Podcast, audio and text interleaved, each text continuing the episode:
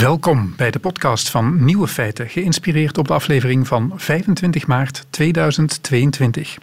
Het nieuws van de dag was de simpele wens van een Duitse man, sinds 2019 verlamd door ALS. Hij heeft het locked-in-syndroom, waardoor hij volledig bij bewustzijn is, maar niet kan bewegen of spreken. Communiceren met zijn familie was dus onmogelijk, tot voor kort, want onlangs kreeg hij een hersenimplantaat waardoor hij nu contact kan maken met de buitenwereld. Via zijn gedachten kan hij een cursor op een scherm bewegen en zo zinnen formuleren. En daar maakte hij graag gebruik van om zijn ziekenhuisverblijf te verbeteren. Zijn eerste wens was een pintje. Daarnaast wilde hij ook nog graag een curry eten en vroeg hij of de dokters niet zijn favoriete band wilden draaien. Tool. En luid alsjeblieft. De man heeft smaak. De andere nieuwe feiten worden u gebracht door Luc Pauwels, energie-expert van VRT Nieuws, die kanttekeningen zet bij de schaliegasdeal tussen Joe Biden en Europa. Door NOS-correspondent Sander van Horen, die zich plaatsvervangend schaamt voor Mark Overmars, plaatsvervangend voor de leiding van Royal Antwerp FC dan. En door Tom Bekkers, professor cognitieve psychologie, die uitlegt waarom u aan een filmpje van een landend vliegtuig genoeg heeft om te veronderstellen dat u zo'n toestel ook wel aan de grond kan zetten. Amai, amai. Amai, amai. Amai, amai.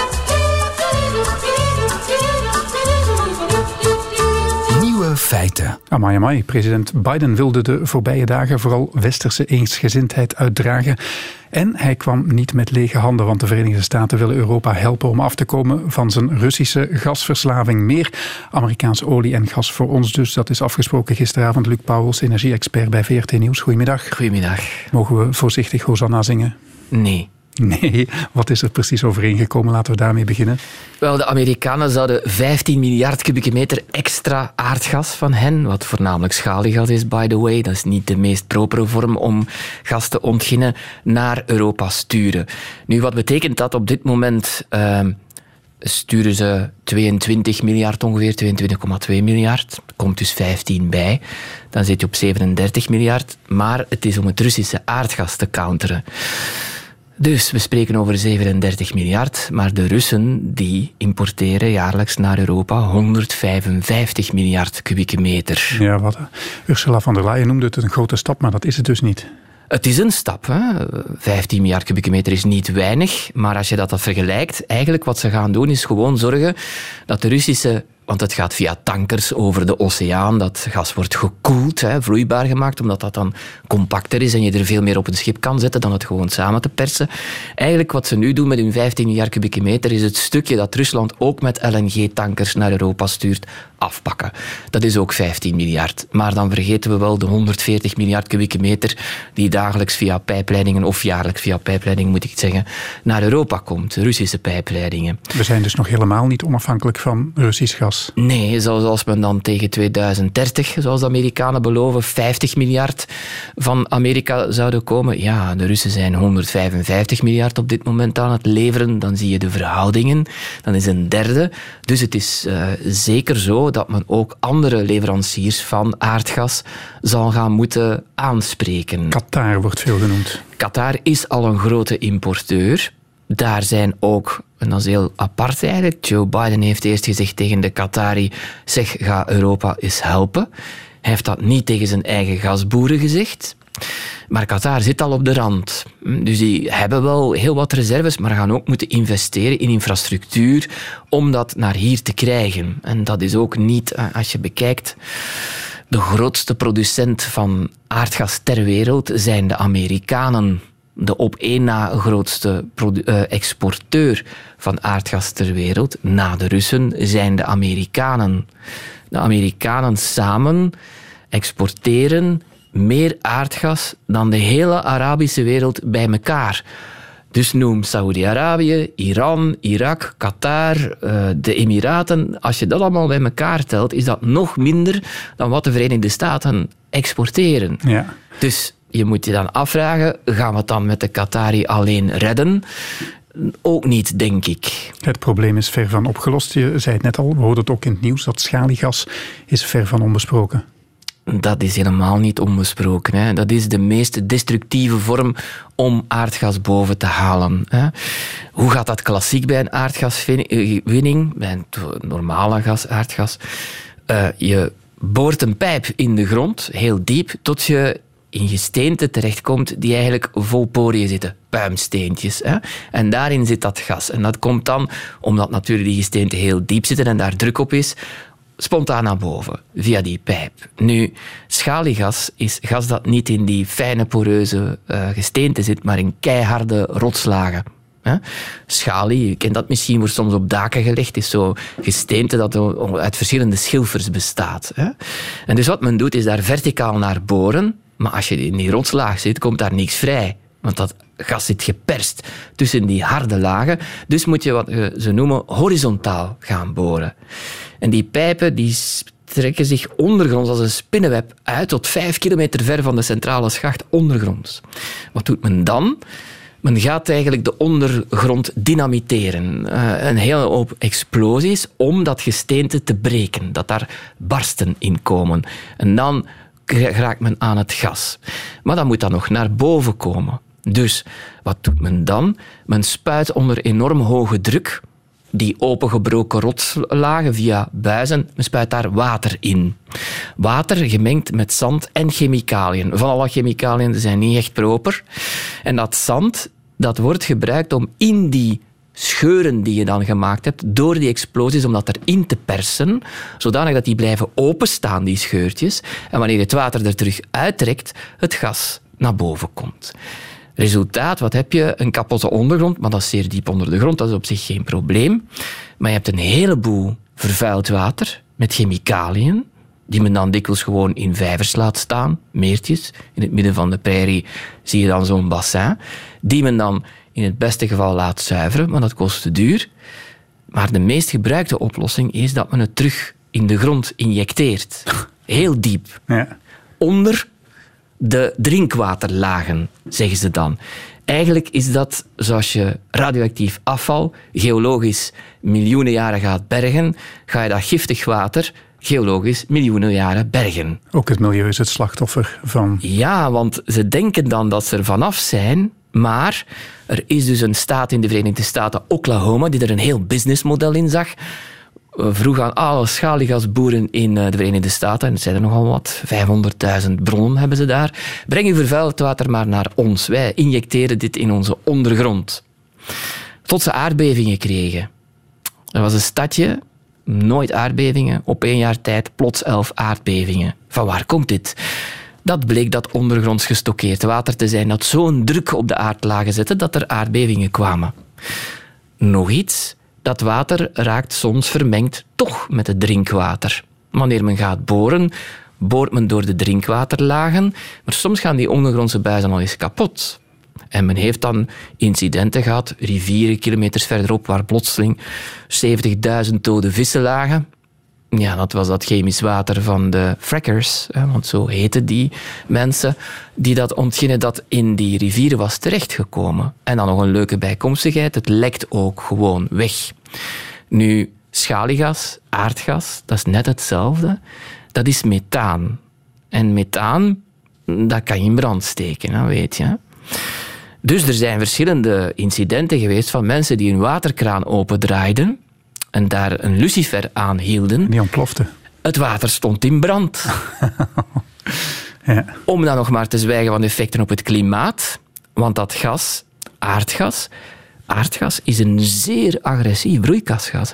Dat is 80 keer erger dan CO2. En het lekt. Dus je krijgt een aanslag op je klimaat. Het lekt ook onderweg naar hier niet alleen ginder in hun bronnen, maar dan ook via hun pijpleidingen. Het, men moet dat dan afkoelen, hè, om dat in die tankers te steken naar min 162 graden. Dan wordt dat echt vloeibaar, zoals water eigenlijk. Hè. Gaat dan die schepen op, komt hier in een haven terecht, Rotterdam, Zeebrugge, Duinkerken zijn er al verschillende.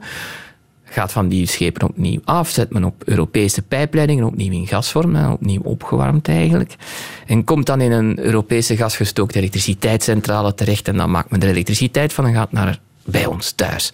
In Hosanna dus. Ja, de Amerikanen hebben eens berekend wat dat betekent als aanslag op het klimaat, de lekken onderweg, al dan niet bewust gecreëerd.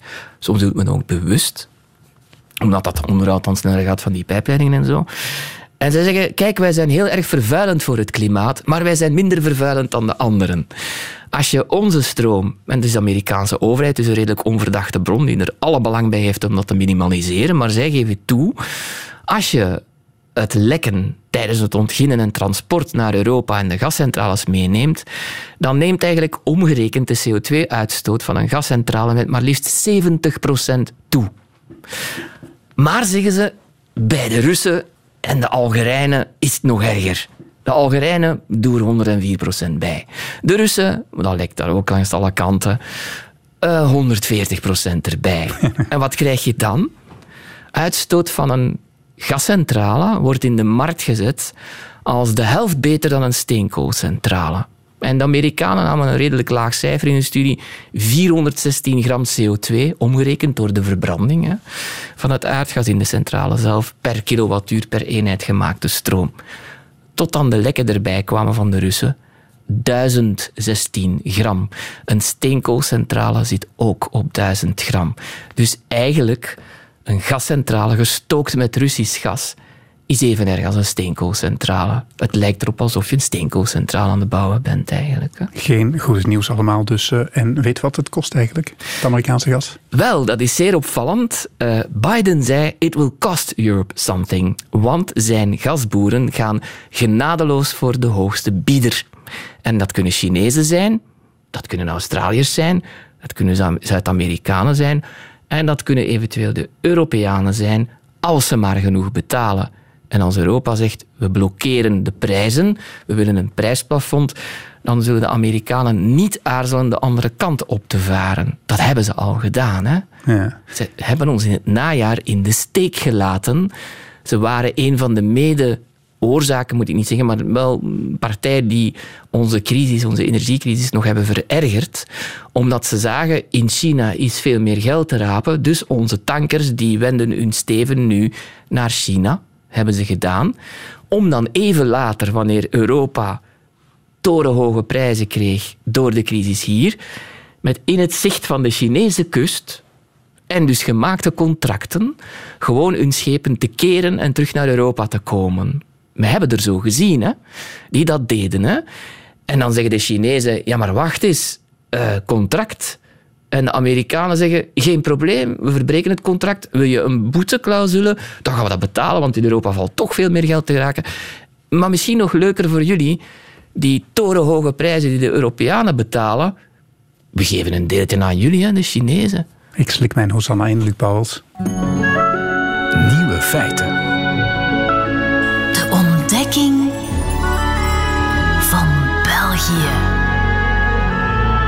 Drukke dagen voor Sander van Horen. Hij had als NOS-correspondent maar geen standplaats met het hoofdkwartier van de NAVO en de Europese Unie moeten kiezen. Er bestaan zoveel rustige landen, maar wij zijn wel blij natuurlijk dat hij ons zo elke week kan vertellen of België op een buitenstaander echt zo bizar overkomt als we zelf denken. Sander, goedemiddag. Goedemiddag. Wat is je behalve Joe Biden opgevallen deze week? Uh, Mark Overmars. Maar Joe Biden, dan toch eventjes uh, wil ik mee beginnen. Want ik snap niet dat Brussel niet in verzet komt. Dat hij hier geen revolutie uitbreekt. Want ik vond het wel grappig toen ik gisteravond uh, nog live was in Nieuwsuur. Toen vertrok Joe Biden bij het gebouw van de Europese Raad. En dan zie je dus die enorme limousine. Ja, die reed ongeveer aan mijn voeten voorbij. Of het zijn er eigenlijk twee, want je mag niet weten in welke van de twee hij zit. En dat hele konvooi reed de wedstraat in die gewoon helemaal afgesloten was. En ik bedoel, bij elke normale Eurotop is het natuurlijk al zo dat, dat Schumannplein een drama is. Maar gisteren lag die hele stad op zijn gat. En we, we slikken het allemaal maar als Brusselaars. Ik vond het wel opmerkelijk. Hij neemt het land over. Hij neemt het land echt over. En uh, ik hoop maar dat er in hotelovernachtingen en dat soort dingen voldoende financiële voordelen zijn voor uh, Brussel en voor België. Want ja, anders is toch echt het enige voordeel dat Alexander de Croo als gastheer vooraan mag staan. Want uh, ik zag gisteren vooral nadelen. En zoals ook nu weer hangt er een helikopter in de lucht. Ja, die hangt er de hele nacht. En als Brusselaar heb je het er maar mee te stellen. Maar we accepteren het allemaal. Maar Joe Biden is binnenkort weg en Mark Overmars blijft. Mark Overmars die blijft. En dat heeft me toch echt wel verbaasd deze week. Eh, hoe dat eigenlijk ehm, door Antwerp niet goed ingeschat is. En ik hoorde ook wel commentaar van, van jullie eigen commentatoren dat dat tekenend is voor de staat van het Belgisch voetbal. Waarbij het moreel kompas, de deontologie, eigenlijk ver te zoeken is. Alles voor uh, de winst. Ja, en dan heb je natuurlijk met Mark Overmars wel, wel een goede natuurlijk. Hij heeft bij Ajax laten zien in de jaren dat hij daar zat... dat hij voor niet al te veel geld goede spelers kan aantrekken. Dat hij de eigen kweek weet te waarderen, et cetera. En de resultaten die zijn er naar. Maar ja, hij is natuurlijk bij Ajax uh, uh, op staande voet ontslagen of vertrokken... vanwege een MeToo-achtige affaire. En dat, dat, dat zat hem dan meer uh, op de, de, de Bart de Pauw-achtige manier. Hè? Dus, dus het stalken van mensen met tekstjes, dickpics en dergelijke. Maar hij heeft het notabene voor een deel toegegeven. En dan twee maanden later haal je zo iemand al binnen. En dan zie je nu de verontwaardiging erover. Dan zie je nu dat sponsoren weglopen. Ja, het lijkt me toch geen hogere wiskunde. Dat had je toch kunnen zien aankomen. Ja, uh, dat valt je wel mee van België, dat we een shitstorm ontketenen als zoiets, zoiets gebeurt? Nou ja, het lijkt me toch het minste. En wat, wat me dan weer opvalt is de reactie van uh, Antwerp... die, uh, uh, zo heet dat dan, gisteren door het stof gegaan is. Maar als je die verklaring eens goed leest... dan staat er dus eigenlijk dat um, het feit dat ze het bij de presentatie van Mark Overmars... niet goed gecommuniceerd hebben, daar is kritiek op. En die kritiek die is terecht. Die, verklaring in die verklaring kwam er ook nadat drie sponsors afgehaakt hebben. Ja, maar precies, dat, dat is het eerste. Maar ook die verklaring die zegt dus dat de kritiek terecht is dat ze niet goed gecommuniceerd hebben. Nee, FC Antwerp, de kritiek is er dat je de beste man überhaupt hebt binnengehaald. Dus dan, dan ga je eigenlijk, vind ik, in je diep door het stof gaan... ga je eigenlijk voor de tweede keer laat je zien dat je het gewoon echt niet begrijpt. Dat je dus niet hebt begrepen dat het misschien niet handig is om zo iemand binnen te halen. En dan kan die inderdaad uh, de Messias zijn die FC Antwerpen er bovenop gaat helpen. Uh, het, het zal allemaal best. Maar het signaal wat je afgeeft naar de sponsoren is er eentje van uh, jullie moeten kiezen. Wil je aan de goede kant van de geschiedenis staan, dan moet je je sponsorcontacten opzeggen. Het signaal wat je aan je vrouwelijke medewerkers geeft is van ja, jullie zijn net even wat minder belangrijk en we hebben wel, want dat zeggen ze dan, contractuele afspraken gemaakt dat er geen herhaling is.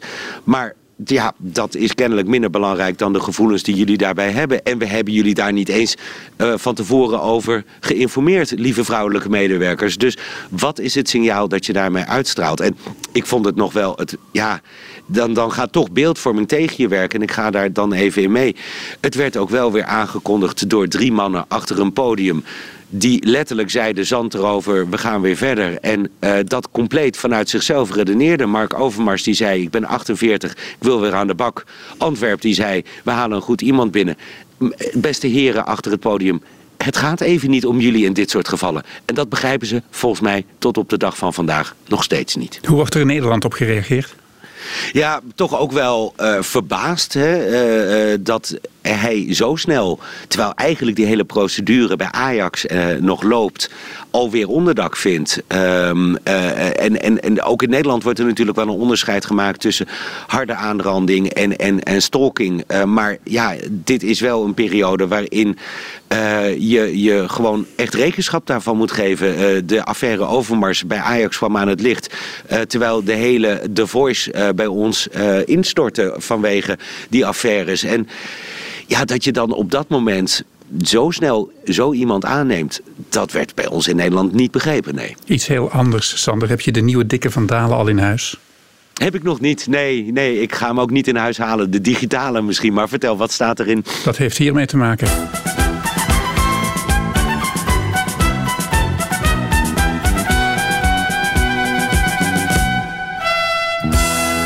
Examen Vlaams. Je bedoelt dat er in de dikke vandalen staat examen Vlaams... en dan als uitleg gevreesd onderdeel uh, van een, een vrijdagse radioshow? Dat is voor de volgende editie, maar er staan wel nieuwe Vlaamse woorden in... die jij zou moeten kennen dus. Vertel. Sander, camionneur. Een vrachtwagenbestuurder.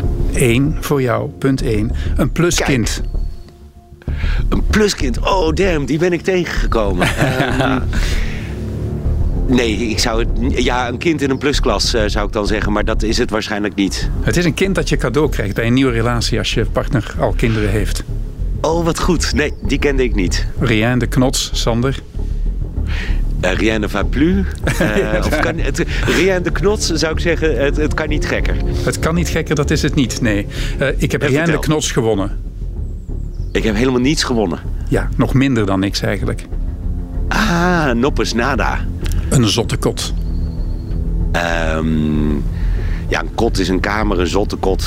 Nee, geen idee. Het is bij Radio 1 een zotte kot. Uh, de zoete inval.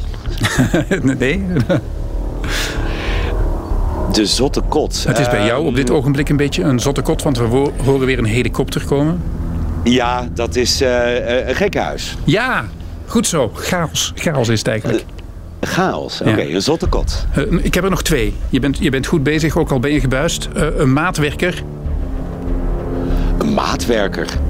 Iemand die werk op maat levert, maar dat zal het ongetwijfeld niet zijn. Nee, vroeger heette dat een beschutte werkplaats bij ons. Oh, een sociale werkplaats? Ja, sociale werkplaats heet tegenwoordig maatwerker. Oh, Oké, okay. dus iemand die werkt in een sociale werkplaats. Oké. Okay. Dat heeft de Vlaamse overheid als, als cliënt of als begeleider? Als, uh, als werknemer. Als werknemer, oké. Okay. Ja. Nog eentje? Doe maar. Om smakelijk af te sluiten. Chin chin. Proost. Ik wist dat je die ging weten. Ja, precies. Sander, prettige week. Santé. Dag.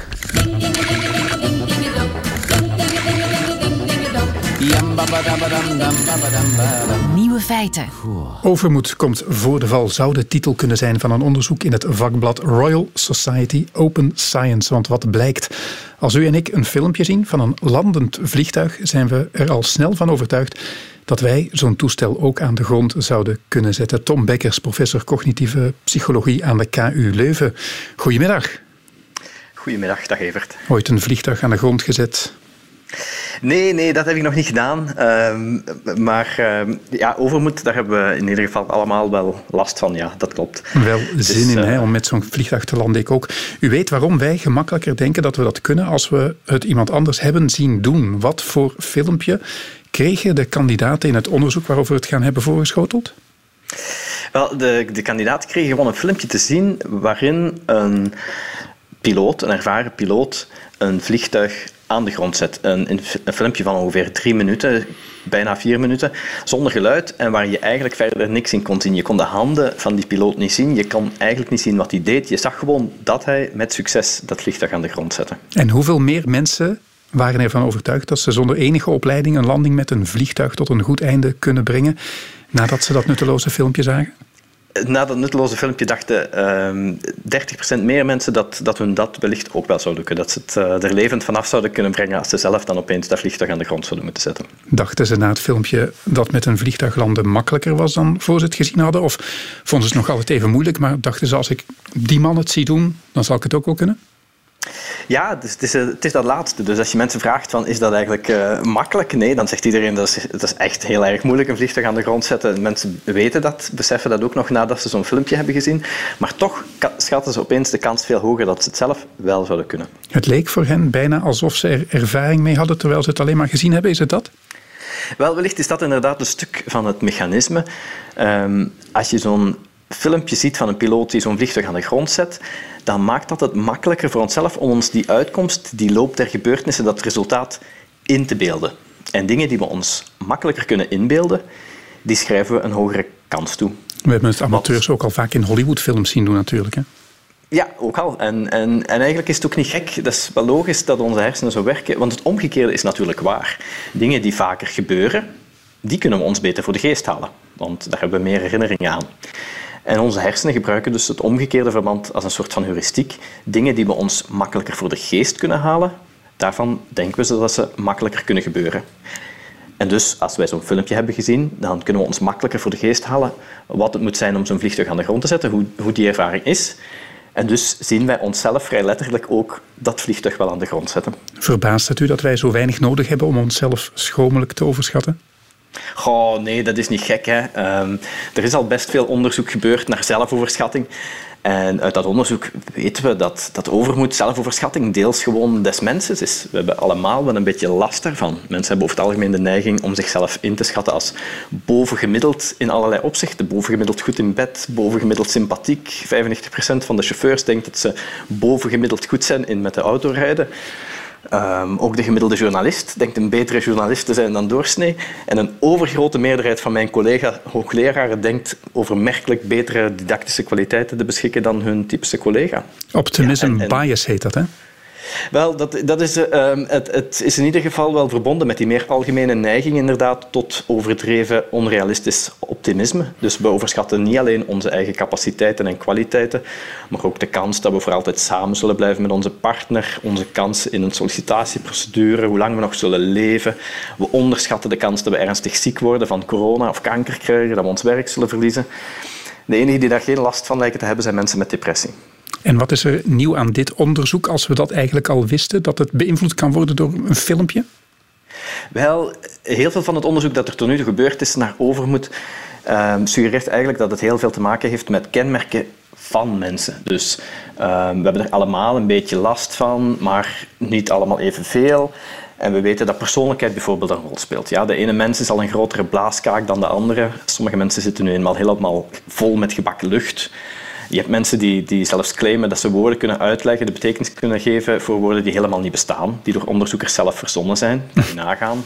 Uh, dat is een goede indicator van narcisme, zoiets. Reken maar dat Donald Trump hoog zou scoren op zo'n test. Uh, dus persoonlijkheid speelt een rol. Um, en, en zelfoverschatting is ook wel een beetje een geslachtsziekte eigenlijk. Hè. Maar mannen kunnen zichzelf met name op belachelijke wijze overschatten, meer dan vrouwen, wijst onderzoek uit. Um, zo denken 12% van de volwassen Amerikaanse mannen dat ze een setpunt zouden kunnen scoren in een tenniswedstrijd tegen uh, Serena Williams. Bij vrouwen is dat maar 3%.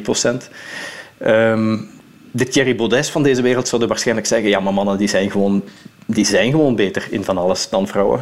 Maar ja, Thierry Baudet dat is dan ook weer zo iemand die vast ook de betekenis van allerlei onbestaande woorden kan uitleggen. Speelt uh, intelligentie een rol? Uh, overschatten domme mensen zich gemakkelijker dan slimme mensen?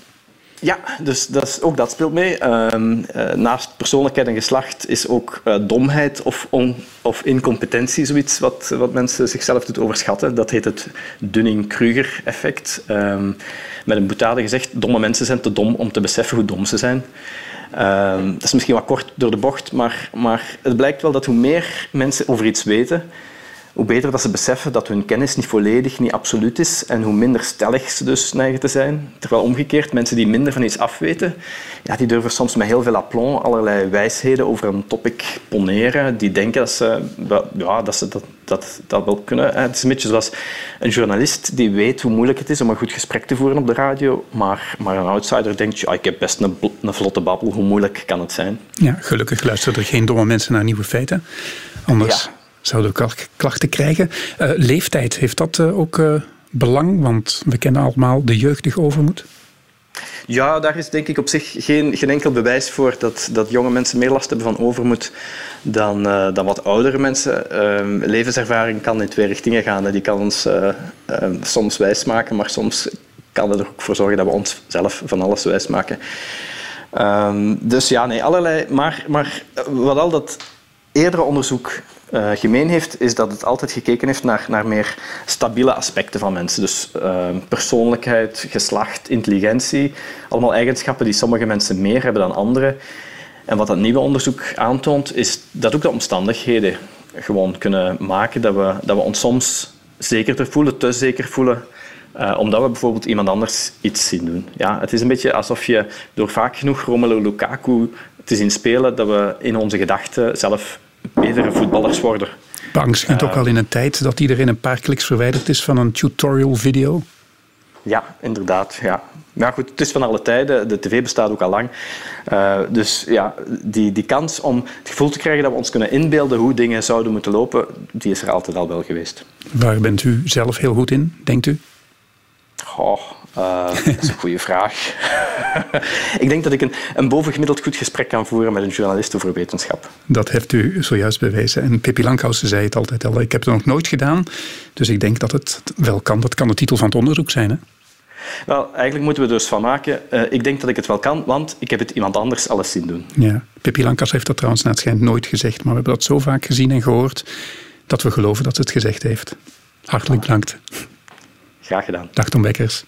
Dag. Dat waren ze, de nieuwe feiten van 25 maart 2022. U hebt nog wel een middagjournaal te goed van Bas Birker. Nergens door af te stoppen. Zelfs niet door een smogalarm. Nieuwe feiten. Middagjournaal. Liefste landgenoten. Dat was even schrikken, hè? Een smogalarm. Zelf zit ik al een tijdje te wachten op een luchtalarm of een nieuwe coronawaarschuwing, maar dit keer is het dus geen virus of kernbom dat onze longen bedreigt, maar fijnstof. Mijn adem stokte toen ik het hoorde. Het laatste smogalarm dateert van acht jaar geleden en dus is het logisch dat allerhande mensen allerhande vragen hadden.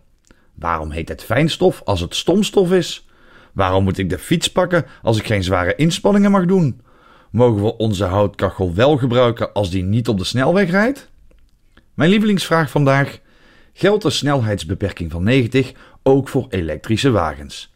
Het antwoord is België in een notendop.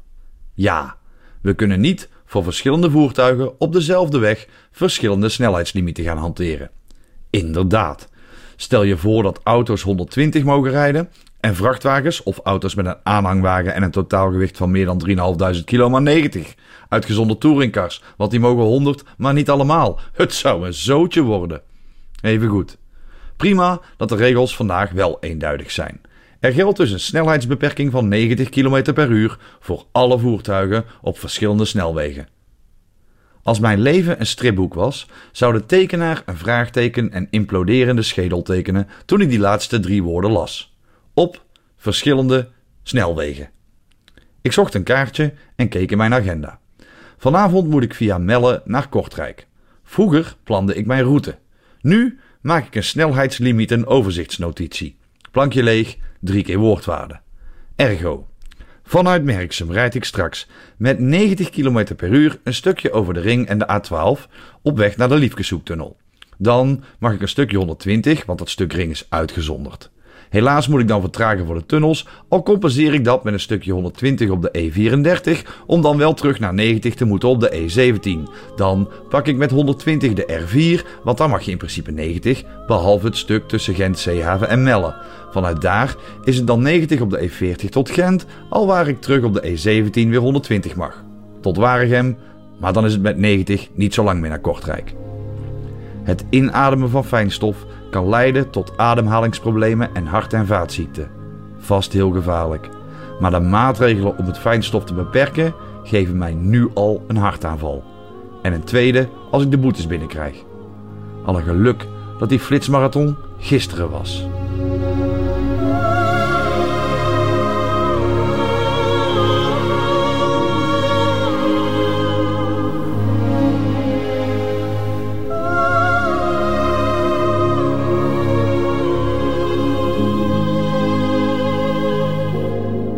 Als je deze podcast met muziek wil herbeluisteren, dan kan dat ook in de app van Radio 1 en op radio1.be. Daar vind je trouwens ook al onze andere podcasts.